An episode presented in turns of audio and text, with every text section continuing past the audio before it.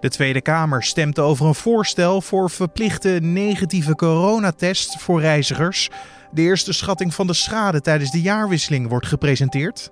En terwijl de Senaat en het Huis van Afgevaardigden gisteravond, Nederlandse tijd, samenkwamen om formeel vast te stellen dat Joe Biden de winnaar van de Amerikaanse presidentsverkiezing is geworden, is het behoorlijk misgegaan in Washington. President Trump-aanhangers bestormden het Capitool en zorgden voor extreem veel onrust. Hoe heeft dit zo fout kunnen gaan?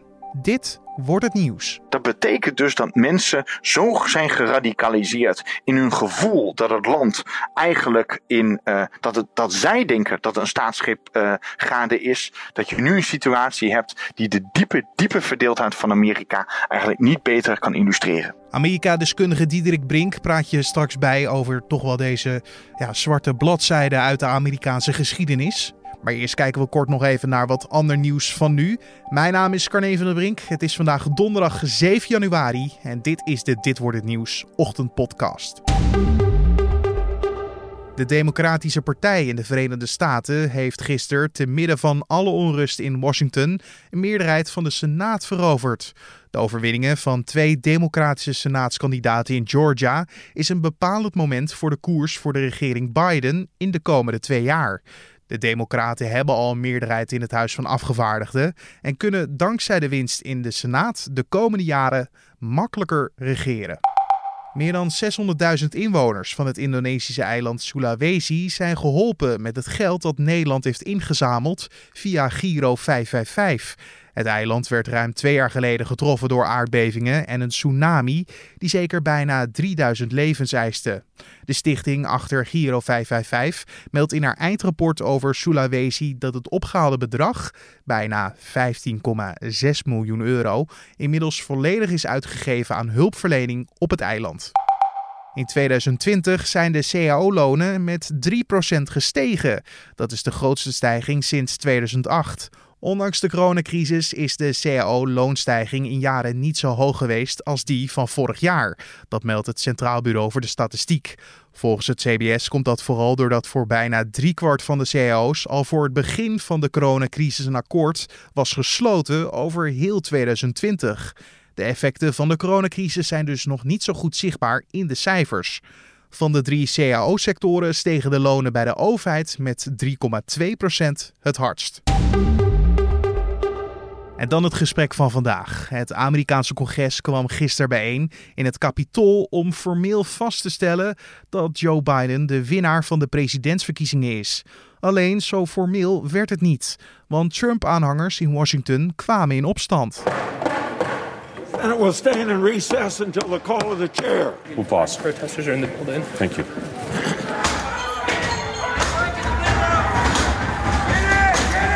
Uh, we were just told that there has been tear gas in the rotunda, and we're being instructed uh, to each of us get uh, gas masks that are under our seats. Stop the steal! Stop the steal! Stop the steal! Stop the steal! Today was a dark day in the history of the United States Capitol. We condemn the violence that took place here in the strongest possible terms. To those who wreaked havoc in our Capitol today, you did not win. Violence never wins. Freedom wins. And this is still the people's house. May God bless all who serve here and those who protect this place. And may God bless the United States of America. Let's get back to work. De aanhangers braken door de barricades en konden het kapitool bestormen. In totaal zijn er vier mensen overleden tijdens de bestormingen en de politie hield 52 Trump-aanhangers aan. Toen het donker werd, werd het gebouw veiliggesteld en ging er een avondklok in op straat. Een paar uur later keerden politici weer terug naar het kapitool en gingen ze verder met het debat. Hoe dit zo ver heeft kunnen komen, dat vragen we aan Amerika-deskundige Diederik Brink. Want hoe heeft hij gekeken naar ja, toch wel dit bizarre schouwspel? Ja, het is ongekend wat er in Amerika uh, gaande is. Uh, ik durf het wel een, een, een poging tot een staatsgreep te noemen. als je zegt dat uh, hier een wettelijk een wettig proces bezig was om een vreedzame machtsoverdracht te faciliteren. En dat werd verstoord door mensen die met geweld het gebouw zijn binnengedrongen en eigenlijk de politici van hun wettige taak hebben verdreven. Dan kun je zeggen dat dit een poging tot een staatsgreep is geweest. En dat had je natuurlijk in de Verenigde Staten echt niet zomaar verwacht. Het is het land natuurlijk dat over de wereld heen praat over democratie in andere landen. Dat uh, de mond vol heeft over de democratische standaarden van andere landen. En dat nu zelf uh, lichtelijk aan het wankelen is gebracht. En in ieder geval, zoals Nancy Pelosi ook heeft gezegd, onder vuur ligt. Wat mij het meeste heeft verbaasd, is nog het feit dat de, eigenlijk de radicalen die het kapitool hebben bestormd dat die zo ver zijn gekomen dat ze op de vloer van de Senaat en het Huis van Afgevaardigden hebben kunnen komen. Maar hoe heeft het zover kunnen komen, denk jij? Nou, wat eigenlijk is, wat er nu overges wat is overgestroomd, is eigenlijk een, een, een kokende pot van woede van de afgelopen maanden. Al van voor de verkiezingen werden een heleboel mensen verteld: er gaat fraude plaatsvinden tijdens deze verkiezingen. Let maar op, ze gaan proberen de verkiezingen te stelen. En toen uiteindelijk bleek dat Trump ging verliezen, is dat alleen maar in een stroomversnelling gekomen. Trump en ook een heleboel republikeinen hebben zonder enige vorm van bewijs telkens maar weer geroepen: er is fraude, deze verkiezingen zijn gestolen, het is niet eerlijk gegaan. En dat raakt natuurlijk aan het gevoel van integriteit en vaderlandsliefde van een heleboel mensen. Die niet alleen loyaal zijn aan Trump, maar ook het gevoel hebben dat ze loyaal moeten zijn aan het land en aan de grondwet. Omdat ze echt oprecht denken van hier is iets van ons afgenomen. Dat ze helaas daarvoor nog steeds geen enkel bewijs hebben gezien of daarop blijven doorvragen, maakt het natuurlijk nog veel pijnlijker. Maar de realiteit is, is dat die boosheid is nu is overgeborreld eigenlijk. En dat je ziet dat het op een, op een fysiek gewelddadige manier zich begint te manifesteren.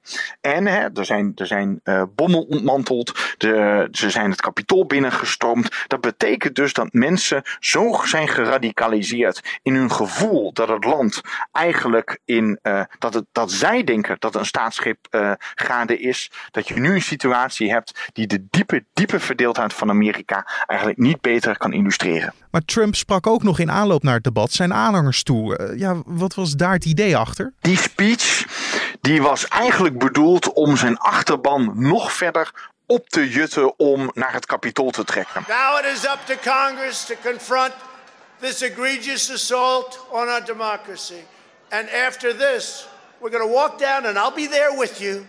We're going to walk down to the Capitol because you'll never take back our country with weakness. You have to show strength and you have to be strong. En eigenlijk druk uit te oefenen. Ja, en critici zullen zeggen onredelijke druk. En eigenlijk een knipoog naar geweldplegingen sympathisanten van Trump zullen zeggen dat heeft hij er nooit mee bedoeld. Hij heeft alleen maar gezegd: ga daar demonstreren en zet met name republikeinen onder druk om het eigenlijk ceremoniële proces van het tellen van de kiesmannen te verstoren. Uh, en dat hij dat eigenlijk tot doel had. Het bedoeling was dus eigenlijk een, een volkomen ceremonieel proces van wat er in het congres gaat gebeuren. de stemmen zijn uitgebracht, het kiescollege is bij elkaar gekomen, congres heeft uh, wettelijk gezien alleen maar de taak om de stemmen te tellen en dat te bevestigen. Uh, maar Trump zag een kans om dat nog even te verstoren en het gevoel verder aan te wakkeren dat er iets niet in de haak is met deze verkiezingen. Maar hoe heb jij dan gekeken naar de handhavers ter plaatse die toch wel deze meute in bedwang moest houden, maar ja, uiteindelijk niet lukte? Ik heb met verbazing gekeken naar het optreden van de politie daar. Uh, het leek bijna alsof ze volkomen overrompeld werden en verrast werden door de menigte die hier het kapitool is binnen gaan dringen. En je moet je voorstellen, niet alleen waren er honderden politici en medewerkers van die politici aanwezig, ook de mensen in de opvolging van het presidentschap waren daar, zoals de vicepresident en de speaker van het huis. Dat uh, betekent dus dat het een ongelooflijk riskante situatie is geweest, waarop ze eigenlijk onvoldoende voorbereid waren. En dat verbaast mij. Want Amerikanen zijn altijd heel erg sterk in het creëren van veilige situaties. Hè? Je weet dat als de president of de vicepresident komt, dat straten worden afgezet, worden allerlei maatregelen genomen. En nu heb je hier de vicepresident, de speaker en een heleboel andere politici. En ze konden eigenlijk, moesten zij gaan schuilen voor een, een, een boze menigte die het gebouw is binnengedrongen. En pas later konden de hulptroepen komen. En ik denk dat dat een gigantische inschattingsfout is geweest. Dat die niet al klaar stonden om direct in te grijpen. Maar dit had je toch ook wel kunnen verwachten dat er in ieder geval een, een groot tegengeluid zou komen? Het was volkomen duidelijk dat er uh, ongeregeldheden zouden komen. Hè, er zijn eerder demonstraties geweest die uit de hand liepen. Dus je had het daar op basis van kunnen verwachten. Ook uh, heeft Trump al tijden gezegd: Kom naar Washington op 6 januari. Laat je horen. Laat zien dat je voor me weet te strijden. Nou, die mensen hebben daar massaal gehoor aan gegeven. We hebben de video's gezien van de mensen die naartoe gekomen zijn. Er waren uh, berichten over radicale groeperingen die zich daaronder zouden bevinden. Dus het was volkomen duidelijk dat een groep mensen met een, een behoorlijk agressieve intentie richting het kapitool zouden komen. Als je dan niet voorbereid bent om de mensen binnen, maar ook het proces dat daar plaatsvindt, te kunnen beschermen, ja, dan is het een opeenstapeling van fouten van de politie. Ze hebben dus de boel uh, flink onderschat, kan je wel zeggen. Zeker, en ik denk dat daar ook nog wel een, een nodige onderzoek naar uh, verricht gaat worden. Want ja, niet alleen is het een blamage die zich afspeelt op de televisie. Het is natuurlijk ook dat een heleboel politici zich zullen afvragen van hoe kunnen wij ons werk hier doen als deze mensen dit zomaar kunnen doen. En wat nou als zij zwaar bewapend waren geweest en zich schietend naar binnen hadden gewerkt. Hè, nu is het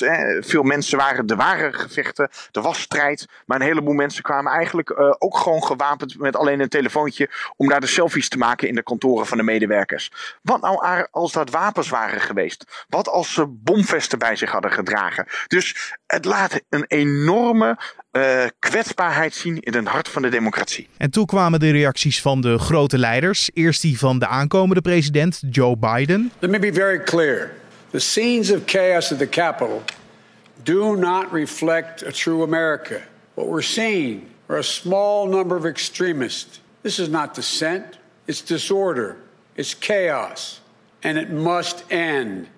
Now. Daarna kwam president Trump met zijn reactie op dit alles. I know your pain. I know you're hurt. We had an election that was stolen from us. It was a landslide election, and everyone knows it especially the other side. But you have to go home now. We have to have peace. We have to have law and order. We have to respect our great people in law and order. We don't want anybody hurt. Wat bleef bij jou nou het meeste hangen als je, als je die reacties zo hoort? We love you and you are special people. Dat waren de opmerkingen van Donald Trump richting deze mensen. En dat staat in schril contrast met zijn snoeiharde veroordeling van de demonstranten die in het kader van Black Lives Matter hebben geprotesteerd over, vanwege de dood van George Floyd en andere uh, uh, uh, zaken. Dus als het gaat om andere groepen uit de samenleving, bijvoorbeeld Afro-Amerikanen die demonstreren, dan wordt dat vaak als terrorisme en radicalen en antifa weggezet. Maar nu staan er mensen geweldplegingen te doen, de wet te overtreden en eigenlijk raakt Trump ze met een fluwelen handschoen aan en zegt jongens, trek je nu maar terug. Ik snap jullie pijn. En tegelijkertijd doet hij nog een extra duit in het zakje. Ik snap jullie pijn, want deze verkiezing is gestolen. Er is ons wat afgenomen. Er is grootschalige fraude. En nogmaals, Daarvoor is geen enkel bewijs. Maar los van de, de, ja, de toch wat trouwe aanhangers die hij heeft, heeft hij nog steun van anderen, uh, zoals zijn partijgenoten? Geloven die nog in Trump? In ieder geval in het openbaar wel. Want er zijn zeker republikeinen die in hun boosheid en in de emotie van het moment al hebben laten weten dat ze vinden dat Donald Trump scherper dit moet veroordelen en dat zijn gedrag niet uh, door de beugel kan. Tegelijkertijd hebben we net een eerste stemming gehad en hebben een heleboel republikeinen uh, gewoon gestemd tegen het, uh, het laten ontbreken van de stemmen van de staat Arizona. Waarmee ze in feite tegen miljoenen kiezers hebben gezegd: we vertrouwen jullie niet. Jullie tellen niet mee in het stemmen voor de president. De stemming is verworpen. Maar het betekent dus wel dat een grote groep Republikeinen trouw zijn gebleven aan hun opdracht om onrust te zaaien uh, rondom de verkiezingen. En ze zijn daar gewoon mee doorgegaan. Ondanks alles wat er is gebeurd in het kapitool. Ja, maar ik zag ook al berichten voorbij komen met de vraag of een afzettingsprocedure tegen Trump nog kan worden ingediend. Is dat een, een serieuze optie, denk je? Uh, voor een heleboel mensen blijft dit misschien wel een beetje wensdenken. Het is ongelooflijk lastig om dat te doen. Ze hebben eigenlijk twee opties. Impeachment, wat ze al eerder hebben geprobeerd. En wat je nu versneld zou moeten invoeren. Maar hoe zorgvuldig kun je dit doen? En hoe snel kun je dit optuigen als over een aantal dagen uh, de machtsoverdracht al uh, staat gepland? En tegelijkertijd kun je ook censure doen. Dus eigenlijk geef je hem dan een soort officiële berisping. Maar de vraag is, hebben de democraten er zin in om deze strijd nog aan te gaan? En denken ze dat ze op enige wijze enkele republikeinen hierin mee kunnen krijgen?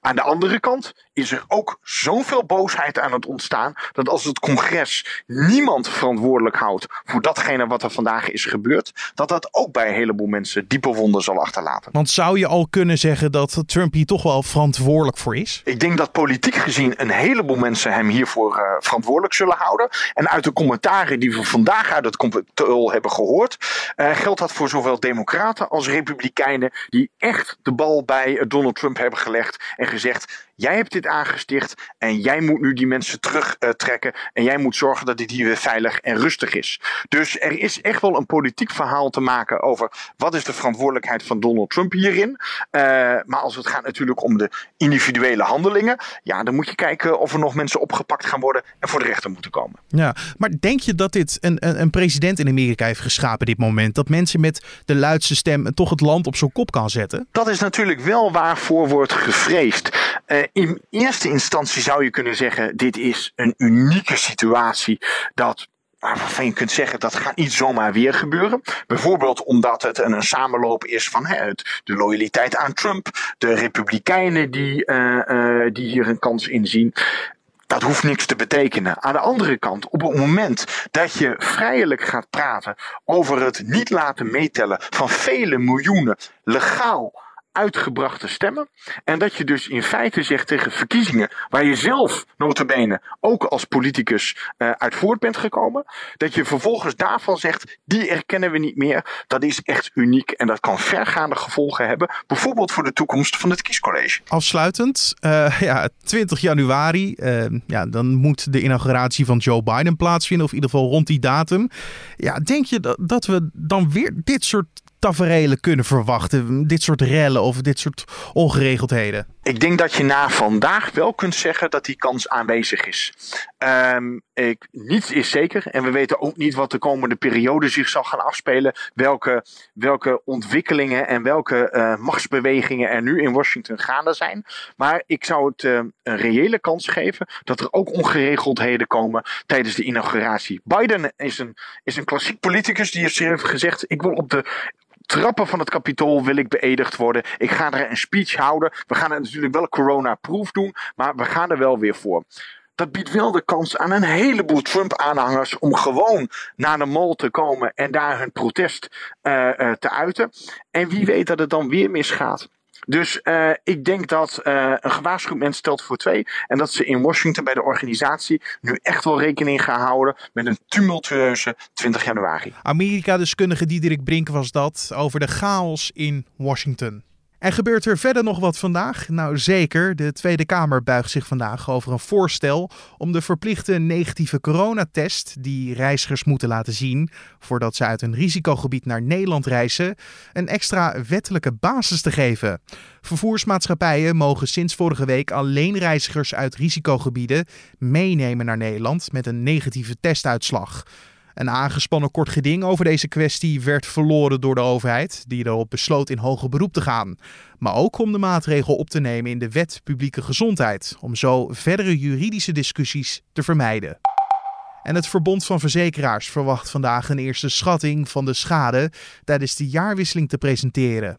Op 1 januari meldde de bond al dat ondanks talrijke incidenten met onder meer materiële schade aan woningen en voertuigen, de jaarwisseling beheerster is verlopen dan voorgaande jaren. Dan het weer van Weerplaza. En wat je van vandaag kan verwachten, dat vertelt Wouter van Bernebeek. Het is bewolkt en vooral in het midden en zuiden zijn er perioden met lichte regen. En in de wat hoger gelegen delen in Gelderland en Limburg valt af en toe ook wat natte sneeuw. In Zuid-Limburg is het lokaal zelfs even wit geworden. Vanmiddag trekt de regen geleidelijk naar het zuiden weg en loopt de temperatuur op naar 1 tot 3 graden. Daarbij staat een meest matige noordwestelijke wind. Vanavond en vannacht wordt het overal droog. Er kan een enkele opklaring ontstaan, maar meestal blijft het bewolkt en de temperatuur zakt naar waarde rond het vriespunt. Dankjewel Wouter van Bernebeek van Weerplaza. En tot zover de Dit Wordt Het Nieuws podcast voor deze donderdag 7 januari.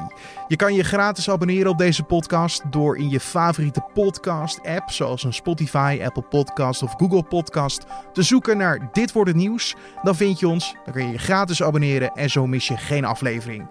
En vergeet ook niet een recensie achter te laten bij Apple Podcast als je hem daar luistert, want zo kunnen andere mensen hem dan ook weer makkelijker vinden. Mijn naam is Carne van der Brink. Voor nu wens ik je een prachtige dag en hopelijk tot de volgende.